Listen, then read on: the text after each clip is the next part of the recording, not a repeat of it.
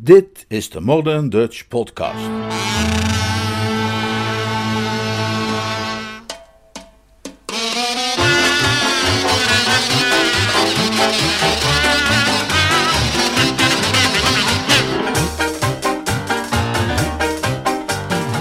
Geluk in de morgen. Een splinternieuwe vertaling van Joy in the Morning. Een Jeeves-roman van P.G. Woodhouse. Vertaald en voorgelezen door Leonard Beuger.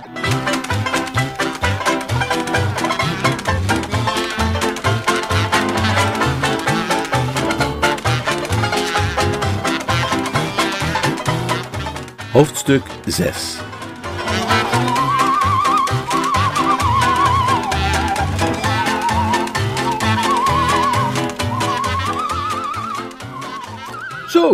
dus jij en Boko zijn van plan een boterbriefje te gaan halen, zei ik.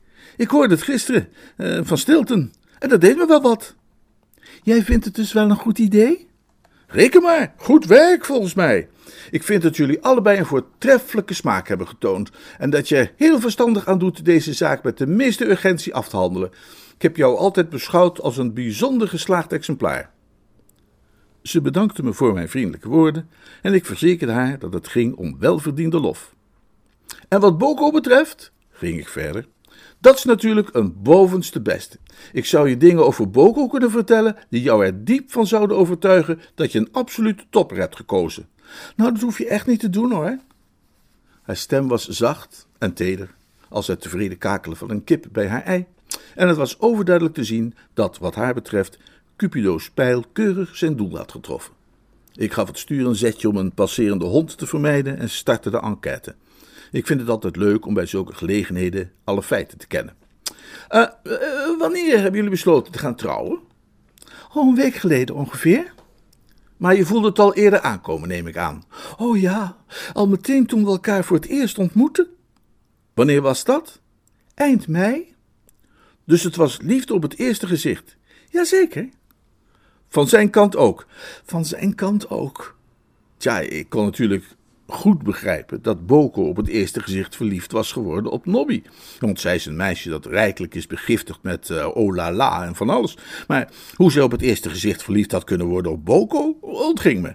Bij eerste aanblik komt Boko op de toeschouwer over als een wezen met het gezicht van een intellectuele papegaai. Bovendien kleedt hij zich, zoals veel jeugdige literatoren, als een fietskampeerder in kooltruien en grijze vlodderbroeken met stukken op de knieën. En wekt hij altijd sterk de indruk s'nachts in de regen te zijn blijven liggen in een vuilcontainer. De enige keer dat ik Jeeves echt van slag heb gezien, was toen hij Boko voor het eerst ontmoette. Hij kromp zichtbaar ineen en strompelde weg naar de keuken, ongetwijfeld om zich enigszins te herstellen met behulp van keukensherry. Ik zei dat tegen Nobby en ze antwoordde dat ze begreep wat ik bedoelde. Ja, je zou denken dat hij het soort man was waar een meisje eerst een beetje aan zou moeten wennen. Geleidelijk aan, zeg maar. Maar nee, er was één kort ogenblik van schrik waarop ik me afvroeg of ik visioen had, maar toen in één keer, bam, als een bliksemschicht. Zo snel ging dat. Ja. En reageerde hij net zo? Ja. Goh. Nou, dan is er iets wat ik niet begrijp. Jij zegt dat jullie elkaar in mei hebben ontmoet en het is nu juli. Waarom heeft hij dan zoveel tijd nodig gehad om jou het hof te maken? Hij heeft me niet bepaald het hof gemaakt. Hoe bedoel je, niet bepaald? Een man maakt een meisje wel of niet het hof. Eh, er is geen middenweg. Nou, er waren redenen waarom hij zich niet zomaar uit kon spreken. Je spreekt in raadselen, beste Nobby. Maar goed, zolang er uiteindelijk maar aan toe kwam. Hè? En wanneer gaan de huwelijksklokken luiden in het kleine dorpskerkje? Oh, ik weet niet of dat ooit wel gaat gebeuren. Hè? Nou, volgens oom Percy in elk geval niet. Hoe bedoel je? Hij vindt het niet goed dat wij gaan trouwen. Wat? Ik was stom verbaasd. Ik dacht even dat ze Bertram voor het lapje hield. Maar toen ik haar eens goed bekeek, zag ik dat ze de lippen stijf op elkaar geklemd had en haar voorhoofd gefronst. Onze jonge Hopwood is uitgevoerd als een klein modelletje met blauwe ogen en normaal gesproken een vrolijke postzegel. De betreffende postzegel was nu echter verwrongen van pijn of verdriet, alsof ze net een oester had ingeslikt die niet goed was. Dat meen je niet? Jawel. Hé, hey, jakkes, zei ik, want dit was serieus. Nobby verkeerde in een bijzondere situatie, zie je. Eh, zoals vaak het geval is, geloof ik, als meisje A de pupil wordt van figuur B, was er in de bijbehorende papierwinkel een clausule opgenomen die erop neerkwam dat ze niet mocht beginnen over trouwen, etc., zonder toestemming van het stamhoofd tot ze 21 was of 41 of zoiets. Dus als oom Percy echt een anti-Boko-complex had, kon hij inderdaad een spaak in het wiel steken als hij dat wilde. Maar toch begreep ik het gewoon niet. Hoezo dan? Die man moet niet goed bij zijn hoofd zijn. Boko is een van de meest begeerde jeugdige vrijgezellen. Hij verdient scheppen geld met de pen. Sloten. Je ziet zijn werk overal liggen. En dat toneelstuk van hem vorig jaar, dat was een enorme hit. En bij de drones zeiden ze laatst dat hij een aanbod had gekregen om naar Hollywood te gaan. Is dat waar? Ja. Nou dan. Ja, nee, dat weet ik allemaal. Maar wat je over het hoofd ziet, is het feit dat oom Percy het soort man is dat wantrouwend staat tegenover schrijvers. Hij gelooft niet in hun solvabiliteit. Hij heeft zijn hele leven in zaken gezeten en hij kan zich niet voorstellen dat iemand anders dan een zakenman echt geld heeft. Ja, maar hij moet toch wel weten dat Boko wel haast een echte beroemdheid is geworden. Zijn foto heeft in de Tatler gestaan.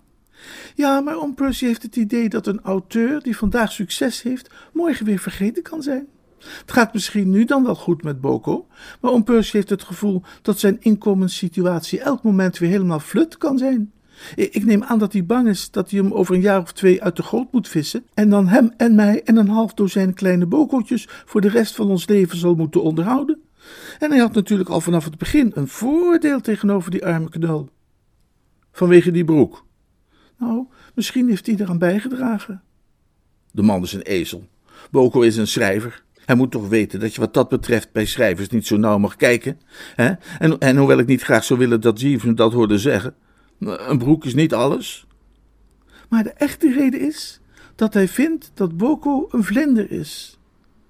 Dat kon ik even niet volgen. Dat klonk me te wazig. Ik ben nog nooit iets tegengekomen dat minder op een vlinder leek dan onze vriend Boko. Een vlinder? Ja, een vlinder die van bloem tot bloem fladdert en overal honing zuigt.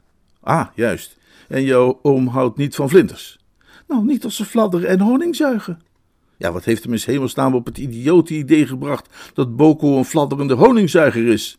Nou ja, zie je, uh, toen hij in Steeple Bumpley aankwam, was hij verloofd met Florence. Wat? Ja, zij was de oorzaak dat hij daarheen verhuisd is. Dat, dat, was wat ik bedoelde toen ik zei dat hij me in eerste instantie niet vrijelijk het hof kon maken, zoals jij dat noemt. Dat hij verloofd was met Florence belemmerde hem, uh, min of meer. Ik was ontsteld. Van zuivere emotie reed ik bijna een kip plat. Verloofd met Florence? Dat heeft hij me nooit verteld. Jij hebt hem al een tijdje ook niet gesproken. Nee, dat is waar. Nou ja, zeg, is me ook wat. Wist jij dat ik ook ooit verloofd ben geweest met Florence? Ja, natuurlijk. En nu stilt dus weer. Ja, hoogst merkwaardig. Het lijkt wel zo'n grote volksverhuizing waar je wel eens over leest. Nou, ik neem aan dat het haar profiel is, hè, dat het hem doet. Ze heeft een prachtig profiel. Van links afgezien. Nou, van rechts afgezien ook. Nou ja, tot zekere hoogte van rechts afgezien ook. Maar uh, zou dat echt de oorzaak zijn? Ik bedoel, in deze hectische tijd kun je niet de hele dag om een meisje heen gaan lopen dartelen om te proberen haar van opzij te zien. Hm? Ik, ik, blijf erbij dat die neiging bij hele volkstammen om zich met Florence te verloven voorlopig onverklaarbaar is. Maar dat maakt dus dat oom Percy een beetje ijzer is tegenover Boko. Als een gletsjer. Oh juist. Zijn standpunt is natuurlijk wel te begrijpen. Hè? Hij, hij vindt dat af en aan maar niks. Gisteren Florence, vandaag weer jij. Ik neem aan dat hij denkt dat jij gewoon een van de bloemen bent waar Boko langs fladdert voor honingzuigdoeleinden. Ja, dat denk ik ook, ja. En bovendien heeft hij zijn twijfels bij Boko's verdienmodel. Ja. Ik overpeinsde dat nog even. Als oom Percy werkelijk dacht dat Boko een vlinder was die elk moment failliet kon gaan, stond Romeo en Julia natuurlijk even niet op zijn repertoire. Ik bedoel, een welgestelde vlinder is al een ramp, maar die kan in elk geval nog de huur betalen. Ik kan me heel goed voorstellen dat een man met conservatieve opvattingen niks moet hebben van een vlinder die, wie weet, de rest van zijn leven ook nog zijn hand blijft ophouden. Er kwam een gedachte bij me op. Dankzij het vermogen der woesters om alles vooral ook van de zonnige kant te kunnen bekijken, besefte ik dat nog niet alles verloren was. Hoe oud moet je eigenlijk zijn om te kunnen trouwen zonder de zegen van oom Percy? 21? En hoe oud ben je nu? Twintig. Nou ja, dat is het dan, hè? Ik wist wel dat als we, goed, als, als we er goed genoeg naar zouden kijken, we zouden ontdekken dat de zon nog altijd scheen. Je hoeft alleen maar een jaartje te wachten en dan ben je zover. Jawel, maar Boko vertrekt volgende maand naar Hollywood. Ik weet niet hoe jij nou precies over mijn roman denkt, maar ik voor mij, en ik heb zijn karakter met liefdevolle zorg bestudeerd, ik beschouw hem niet als het type dat men naar Hollywood kan laten gaan zonder een vrouw naast zich om zijn aandacht af te leiden van de lokale fauna. Haar opvatting schokte me nogal, waardoor ik mijn volgende spitsvondigheid misschien wat streng aanzette. Er kan geen liefde zijn waar geen volmaakt vertrouwen is. Wie heeft je dat verteld? Jeeves, denk ik. Het, het klinkt als iets van hem. Nou, dan heeft Jeeves het mis. Er kan heel goed liefde zijn zonder volmaakt vertrouwen. Onthoud dat maar goed. Ik hou achtelijk veel van Boko, maar bij de gedachte dat hij zonder mij naar Hollywood zou gaan, krijg ik het benauwd. Hij zou me niet opzettelijk bedotten. Ik denk dat hij niet eens in de gaten zou hebben dat hij het deed. Maar op een ochtend zou ik een verontschuldigend telegram krijgen waarin stond dat hij niet helemaal kon uitleggen hoe het was gebeurd, maar dat hij de avond tevoren per ongeluk met iemand was getrouwd en of ik misschien een suggestie had. Dat is zijn diepe, impulsieve aard. Hè? Hij kan gewoon geen nee zeggen. Ik geloof dat hij zo ook met Florence verloofd is geraakt. Ik fronste peinzend. Nu ze de toestand zo helder had geschetst, kon ik zien hoe precair die was. Juist. En uh, wat is dan nu de procedure? Dat weet ik niet. Ik fronste nogmaals peinzend. Er moet iets gedaan worden. Ja, maar wat? Ik kreeg een idee. Zo gaat het vaak met de woesters. Ze lijken verbijsterd, maar dan plotseling, bingo, volgt er een inspiratie. Laat dat maar aan mij over, zei ik. Wat mij te binnen was geschoten, was de gedachte dat ik, door me vanwege hem in ons huske te vestigen, om Percy een goede dienst ging bewijzen. Een zo verpletterend goede dienst, dat als hij ook maar een sprankje dankbaarheid in zijn donder had, hij straks tegenover mij een en al erkentelijkheid zou wezen. Ik zag voor me hoe hij mijn hand vastpakte en zei dat dankzij mij die fusie tot een goed einde was gekomen en dat ik elke beloning kon vragen die ik wilde, want dat hij me niets kon weigeren.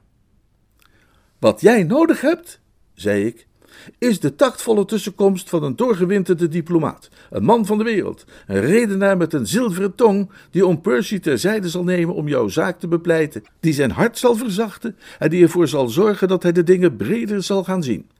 Ik neem dat op mij. Jij? Ik persoonlijk. Binnen één of twee dagen. Oh, Bertie.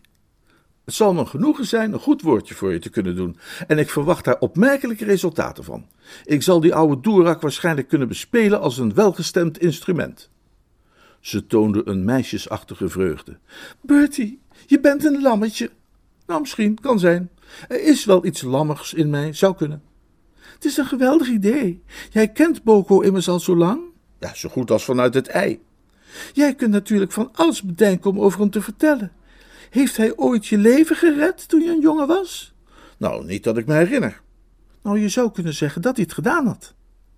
Ik betwijfel of dat een goed idee is. Oom Percy was in die tijd niet zo dol op mij. Ik zou wellicht meer de juiste snaar raken als ik hem vertelde dat Boko, toen ik een jongen was, herhaaldelijk had geprobeerd me te vermoorden. Maar laat dat gerust aan mij over. Ik vind wel iets om te zeggen. Al die tijd had mijn trouwe sportwagentje uiteraard met het wijzertje op de 60 richting Stiepel Bumpley gesnoord, en op dat moment verwitterde Nobby mij dat we onze bestemming naderden. Die schoorstenen daar achter de bomen, dat is de hol. En zie je dat landje daar links? Daar langs kom je bij Bogo's huis. Dat van jou is een paar honderd meter verder, nog een soort bochtje om. Wil je echt bij oom Percy voor ons pleiten? Als brugman. En daar ga jij niet op terugkomen? Geen enkele kans. Ja, het kan natuurlijk zijn dat het niet eens nodig is, hè? Zie je, ik, ik dacht namelijk dat als Boko en oom Percy elkaar een keer echt ontmoeten, oom Percy misschien wel van hem zou kunnen gaan houden. Dus heb ik, hoewel het niet gemakkelijk was, geregeld dat Boko vandaag met hem zou gaan lunchen. Ik hoop echt dat het allemaal goed is gegaan. Het hangt er erg vanaf hoe Bogo zich gedragen heeft. Ik bedoel, tot nu toe was hij altijd heel stijfjes in zijn manier van doen als ze elkaar tegenkwamen. Ik heb hem met tranen in mijn ogen gesmeekt om zich eens wat opener op te stellen en opgewekt en vriendelijk te zijn, en hij heeft beloofd dat hij het zou proberen. Dus ik hoop er het beste van. Ik ook, zei ik, en als ik het me goed herinner, gaf ik haar een klopje op haar hand. Vervolgens reed ik naar de hall en decanteerde haar aan de poort. Ik verzekerde haar dat, zelfs als Boko de oude Lord Walpelsden niet had weten te fascineren tijdens het middagmaal, ik er persoonlijk voor zou zorgen dat alles goed kwam. Ik zwaaide nog een keer vrolijk naar haar en reed terug naar het lijntje dat ze me had aangewezen. Al dat gepraat had me natuurlijk behoorlijk dorstig gemaakt, en ik besloot, ondanks de natuurlijke neiging van een tijdelijke bewoner zo snel mogelijk zijn nieuwe verblijf te willen betrekken, dat ik allereerst bij Boko langs zou gaan om bij hem eerst even iets in te nemen. Ik nam aan dat het witgekalkte huisje langs de oever van de rivier Huizen Boko moest zijn, want Nobby had gezegd dat ik daar langs moest op weg naar ons huske. Ik legde derhalve daar aan, en toen ik zag dat een van de zijramen open stond, liep ik daarheen en floot. Een schorre kreet vanuit het huis en een porseleinen beeldje dat langs mijn hoofd suisde, maakten mij duidelijk dat mijn oude vriend thuis was.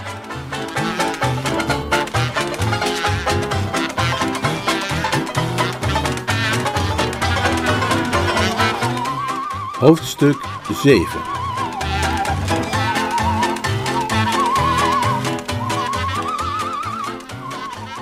Het voorbijsuizen van dat porseleinen beeldje, dat op een haar na op mijn schedel te pletten was geslagen, had mij een fel oei ontlokt. En in antwoord op die kreet verscheen Boko nu voor het raam. Zijn haar zat in de war en zijn gezicht gloeide, vermoedelijk ten gevolge van hevige literaire inspanningen. Zoals ik alles heb verteld, is deze literator qua uiterlijk een kruising tussen een clown annex jongleur en een papegaai die achteruit door een heg is getrokken. En als hij aan het werk is, betrap je hem nooit op zijn voordeligst. Ik nam aan dat ik hem op een lastig punt in een hoofdstuk had onderbroken. Hij had een felle blik naar me geworpen door zijn hoornen bril, maar nu hij zag wie er buiten stond, doofde de vlam achter de lenzen om plaats te maken voor een uitdrukking van verbazing. Goeie god, Bertie, ben jij dat? Ik verzekerde hem dat zulks inderdaad het geval was, en hij verontschuldigde zich voor het feit dat hij me met porseleinen beeldjes had bekogeld. Waarom stond jij dan de roep van die kleine kerkuil na te doen? vroeg hij berispend. Ik dacht dat hij de ventje Edwin was. Die hangt hier voortdurend rond om te proberen goede daden voor me te doen. En dat is altijd hoe hij zijn komst aankondigt. Ik zorg dat ik altijd genoeg munitie bij de hand heb op mijn bureau. Maar waar kom jij eens hemelstaan vandaan opeens? Uit de grote stad, ik ben net gearriveerd. Nou, misschien was het wel verstandig geweest om even een telegram te sturen. Dan had ik het gemeste kalf geslacht. Ik zag dat hij het verkeerd begrepen had. Nee, ik, ik kom niet bij je logeren. Ik verblijf in een huisje waarvan ik hoor dat het hier een eindje verderop staat. Ons Huske. Klopt. Heb je ons Huske gehuurd? Ja. Hoe dat zo ineens? Ik had voorzien dat enige uitleg over mijn aanwezigheid nodig zou zijn en had mijn verhaal klaar. Omdat mijn lippen uiteraard verzegeld waren met betrekking tot de ware van mijn komst eh, naar Steeple was enige misleiding noodzakelijk. Um, nou, Jeeves had weer zin om eens wat te vissen. En, voegde ik eraan toe om de zaak aannemelijker te maken, ik verneem dat er morgenavond hier ergens een gekostumeerde bal gaat losbarsten. Nou, je weet hoe ik ben. Bij het minste gerucht over dat soort amusement kom ik aangedraafd, als een oud strijdros bij de klank van de stormtrompet. Maar voor nu, zei ik, terwijl ik de lippen likte, enige kans op een verkoelend drankje? Ik ben behoorlijk uitgedroogd van de reis. Ik klom door het raam naar binnen en zonk in een stoel terwijl hij de ingrediënten ging halen. Weldra kwam hij terug met het rinkelende dienblad en nadat we wat dorstig hertimitaties hadden gedaan en een paar koetjes en kalfjes hadden uitgewisseld, was ik toch maar zo beleefd hem te feliciteren met zijn verloving. Ja, ik zeg net nog tegen Nobby, die met me meegereden is in de auto, hoe bijzonder het eigenlijk is dat een meisje op het eerste gezicht verliefd op jou is geworden. Ik had het niet voor mogelijk gehouden. Ja, het was voor mij ook een verrassing. Allebei mijn klompen braken, zeg maar. Dat verbaast me niks. Toch blijken ook de meest onwaarschijnlijke mensen de vonk van passie op te kunnen wekken. Neem nu bijvoorbeeld mijn tante Agatha. Ah, ja. En Stilton. Oh, je weet het das van Stilton. Ja, ik liep hem tegen het lijf bij de juwelier. Hij kocht daar een ring. Toen heeft hij mij verteld over zijn hachelijke situatie. Ja, heel liever dan ik, zeg. Helemaal mee eens. Nobby denkt dat het Florence's profiel is dat het hem doet. Heel waarschijnlijk. Er viel een stilte, slechts verbroken door een muzikaal getinkel toen wij het Schots elixir nog eens nader uitprobeerden. Toen slaakte Boko een zucht en merkte op dat het leven toch eigenlijk iets wonderlijks was. Ik moest beamen dat het ook mij in veel opzichten inderdaad uiterst wonderlijk voorkwam. Neem nu mijn geval, zei hij. Heeft Nobby je verteld hoe het ermee staat? Over oom Percy, die roet in het eten loopt te strooien, bedoel je? Ja, zeker. Een mooie toestand, niet? Zeg dat wel, niet te weinig. Mijn hart bloedde. Ja, het idee dat je in deze verlichte tijd toestemming van iemand moet krijgen om te kunnen trouwen. Dat toch, toch compleet anachronisme? Ah, joh, je kunt het tegenwoordig niet eens meer gebruiken in een verhaal of een novelle, zelfs niet meer in een, in een damesblad. Runt jouw tante Dalia trouwens niet zo'n soort damesblaadje? Ja, Milady's Boudoir, een halve shilling per week. Ik heb er ooit een artikel aan bijgedragen over wat de welgeklede man thans draagt. Nou, ik heb dat Milady's Boudoir nog nooit gelezen, maar ik ben er zeker van dat het behoort tot de absolute droesem van de uitgeverswereld. Maar als ik aan jouw tante als redacteur een verhaal zou voorleggen over een meisje dat niet met een man kan trouwen zonder de toestemming van de een of andere waanzinnige gezinshoofd, zou ze me uitlachen. Hm?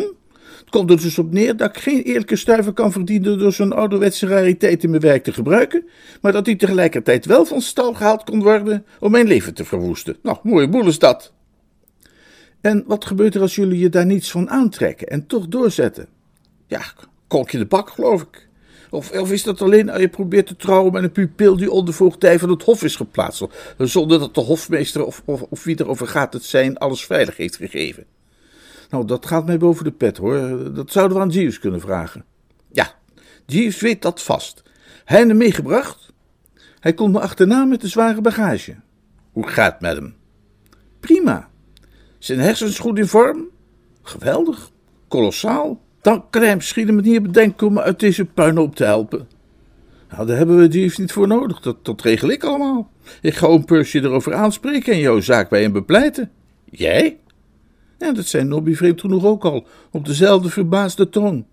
Ja, ik dacht dat jij doodsbang was voor die man. Ja, dat was ik ook. Maar ik heb hem een dienst kunnen bewijzen en sindsdien heb ik het een en ander bij hem in de melk te brokkelen. Oh, nou, lijkt me prima, zei hij opklarend. Doe je best, Bertie. Maar, voegde hij eraan toe, weer wat neerklarend, daar zul je toch, denk ik, nog een zware dobber aan krijgen, hoor. Ach, ik weet het niet. Ook wel. Nou, wat er vanmiddag tijdens de lunch is gebeurd. Ik voelde me opeens heel bezorgd worden. Jouw lunch met oom Percy? Dat is hem. Ging die niet goed? Nee, niet zo goed, nee. Nobby verwachtte dat daardoor alles in orde zou komen. Ha, God zegen haar optimistisch hartje. Ik wierp een van mijn onderzoekende blikken op hem. Er lag een sombere uitdrukking op zijn facie.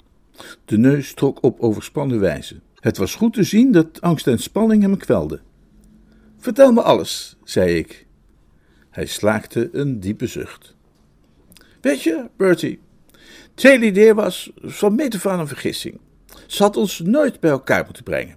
En als ze dat dan als ze nodig moest doen, dan had ze er niet bij moeten zeggen dat ik vrolijk en spontaan moest zijn. Weet je dat ze had gezegd dat ik vrolijk en spontaan moest zijn? Ja, ze zei dat je van jezelf de neiging had je een beetje stijfjes te gedragen tegenover een Percy.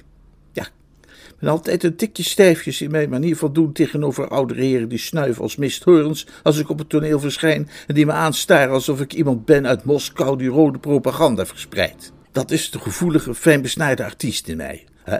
Lord Aderverkalking mag mij niet. Dat zei Nobby ook. Ze denkt dat het komt omdat hij jou als een vlinder beschouwt. Ik ben persoonlijk van mening dat het die grijze vlodderbroeken van je zijn. Was daar mis mee dan?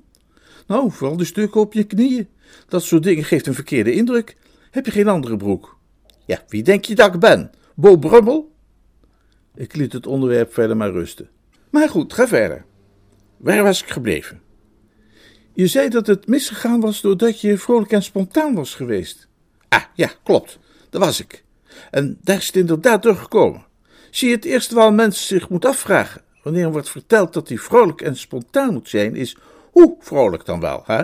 Hoe, hoe spontaan precies? Moet hij zeg maar een doorsnee zonnestraaltje zijn, of moet hij er echt alles voor uit de kast halen?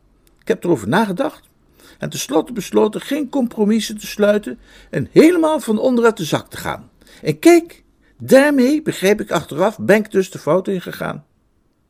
Hij zweeg even, in gedachten verzonken. Ik kon zien dat een pijnlijke herinnering hem bezighield. Ik vraag me af, Bertie, zei hij toen hij tenslotte weer boven water kwam, of jij er die dag bij was op de drones toen Freddy Widgeon tijdens de lunch met die fopspullen op de prop kwam. Fopspullen? Ja, van die dingen waar feestartikelenwinkels mee adverteren als handig om het ijs te breken en iedereen garandeert aan het lachen te brengen. Je weet wel, de bordenwipper, het wiebelglas, het lollige zoutvat. Oh, die dingen. Ik lachte spontaan. Ik herinnerde me de gelegenheid nog goed. Rolmop Spotter Purbright had op dat moment een enorme kater en ik zal zijn emotie niet snel vergeten toen hij in zijn broodje wilde bijten en er piepend een rubberen muis uitrende. Reddingsbrigades moesten te hulp snellen met flessen cognac.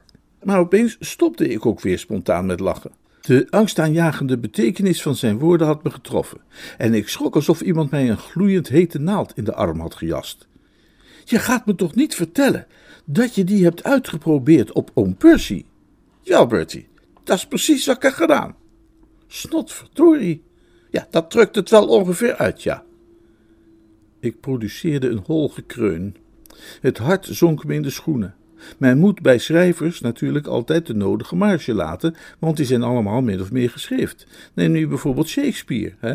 heel onevenwichtig, stond bekend als een stroper, stroopte eenden. Maar desondanks kon ik het gevoel niet bedwingen dat Boko, door de voogd van het meisje dat hij beminde met schetsartikelen te lijf te gaan, de ingeschapen geschiftheid van een schrijver te ver had doorgevoerd. Zelfs Shakespeare zou wellicht hebben geaarzeld zo ver te gaan. Maar waarom? Ik neem aan dat ik het idee in mijn achterhoofd had dat, dat, dat ik hem iets van mijn menselijke kant moest laten zien. Nam je het zwaar op? Ja, best wel zwaar. Hij vond het niet leuk. Uh, nee, die vraag kan ik zonder voorbehoud beantwoorden. Hij vond het niet leuk. Heeft hij je gezegd dat je op Hall niet meer inkwam? Als je iemand aangekeken zoals hij me aankeek bij het lollige zoutvat, dan hoef je hem de toegang tot je huis niet meer te verbieden. Hè? De taal van de ogen is dan genoeg. Ken jij het lollige zoutvat? Je dat schudt, komt er spin uit. De indruk die ik kreeg was dat hij allergisch was voor spinnen. Ik stond op. Ik had genoeg gehoord. Ik moet weer eens verder, zei ik nogal zwakjes. Waarom heb je zo'n haast? Ik moet naar ons huisje. Jeeves kan elk moment arriveren met de bagage. En ik moet me nog helemaal installeren. Begrijp het, begrijp het. Ik zou wel met je mee willen gaan, maar ik ben bezig met het schrijven van een zorgvuldig geformuleerde excuusbrief aan Lord Worplesdon. Die kan ik maar beter eerst afmaken. Hoewel het misschien niet nodig zal zijn, als het waar is dat jij, zoals je zegt, met succes voor ons bij hem zult kunnen pleiten. Hè? Pleit als de beste, Bertie, in hoofdletters. Laat de welluidende volzinnen uit je mond vloeien als honing. Hè? Want, want het zal, zeg ik je, geen gemakkelijk klusje worden. Je zult je een wonderlijk begenadigd spreker moeten tonen. En nog wat? Geen woord tegen Nobby over die lunch, alsjeblieft. De feiten zullen haar voorzichtig en beetje bij beetje moeten worden bijgebracht. En liefst helemaal niet. Toen ik koers zette naar ons huske, was mijn humeur, zoals u wellicht al veronderstelde, een stuk minder bruisend dan tevoren. Mijn enthousiasme voor het idee bij om Percy te gaan pleiten was bijna geheel verdwenen. Voor mij rees het visioen op van dit aangetrouwde familielid, zoals zich dat waarschijnlijk zou vertonen, direct nadat ik Boko's naam zou hebben genoemd. De felle ogen, de snorharen en het hele toetensemble de complete afbeelding van een kwaadwillige tijger uit de jungle die zojuist zijn boer een boom heeft inzien vluchten. En hoewel het misschien te ver gaat om te zeggen dat Bertram Woester huiverde, begon toch de transpiratie een zekere gelijkenis met peentjes aan te nemen. Ik probeerde mij vast te klampen aan de gedachte dat, als die bliksemse fusie eenmaal was doorgegaan, de vreugde hoogstwaarschijnlijk zo oppermachtig bij hem zou heersen, dat de boef zelfs Boko minstens tijdelijk met een welwillend oog zou bekijken, toen er een fietsbel klonk en een stem mijn naam riep. Ja, zelfs met zo'n heftigheid woesterde, dat ik onmiddellijk de wagen tot stilstand bracht en om me heen keek. Wat ik zag, trof mij als een slag in het gelaat. Het was Stilton Cheeseride, die hijgend langs zij kwam. En toen hij van zijn fiets stapte en me aankeek, bespeurde ik op zijn gezicht een zo onaangename blik als ik maar zelden gezien had. Het was een blik vol verbazing en vijandigheid. Een snotverdrie, wat doet die ellendeling is hemelsnaam hier, blik. Het soort blik, kortom, waarmee de heldin van een harlekijnspel de boze koning aankijkt als die vlak naast haar komt opduiken uit een luik in de vloer. En wat er in zijn gedachten omging, kon ik zo duidelijk volgen alsof het werd uitgezonden op een landelijke zender. Ik had me de hele tijd al niet zo prettig gevoeld bij de gedachte aan hoe deze Othello zou reageren als hij mijn aanwezigheid in de buurt zou ontdekken.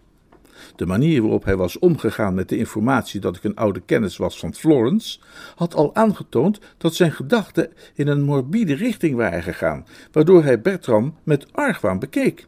En ik vreesde dat hij wel eens een ongelukkig vals vermoeden zou kunnen opvatten bij mijn plotseling opduiken in haar omgeving. Het was lastig te vermijden, bedoel ik, dat de situatie, naar mijn mening, veel te sterk zou lijken op die van de jonge Lochinvar die uit het westen kwam. En aangezien mijn lippen verzegeld waren, om zo te zeggen, kon ik een en ander ook niet goed uitleggen. Een delicate en gênante situatie. En toch, hoe verbazingwekkend het u ook mag lijken, wat maakte dat ik hem met ogen als schoteltjes aankeek, was niet zijn blik, die me vertelde dat mijn angsten gegrond waren, maar het feit dat het smoelwerk dat eromheen zat, werd bekroond door een politiehelm. Het bijpassende forse lichaam was bovendien gekleed in een politieuniform en aan de voeten daarvan zag men de bekende kano's of legerkistjes die de uitrusting van de veronderstelde handhavers der wet completeren. Kortom, Stilton Cheesewright was plotseling veranderd in een plattelandsveldwachter. En daar kon ik met mijn pet niet direct bij.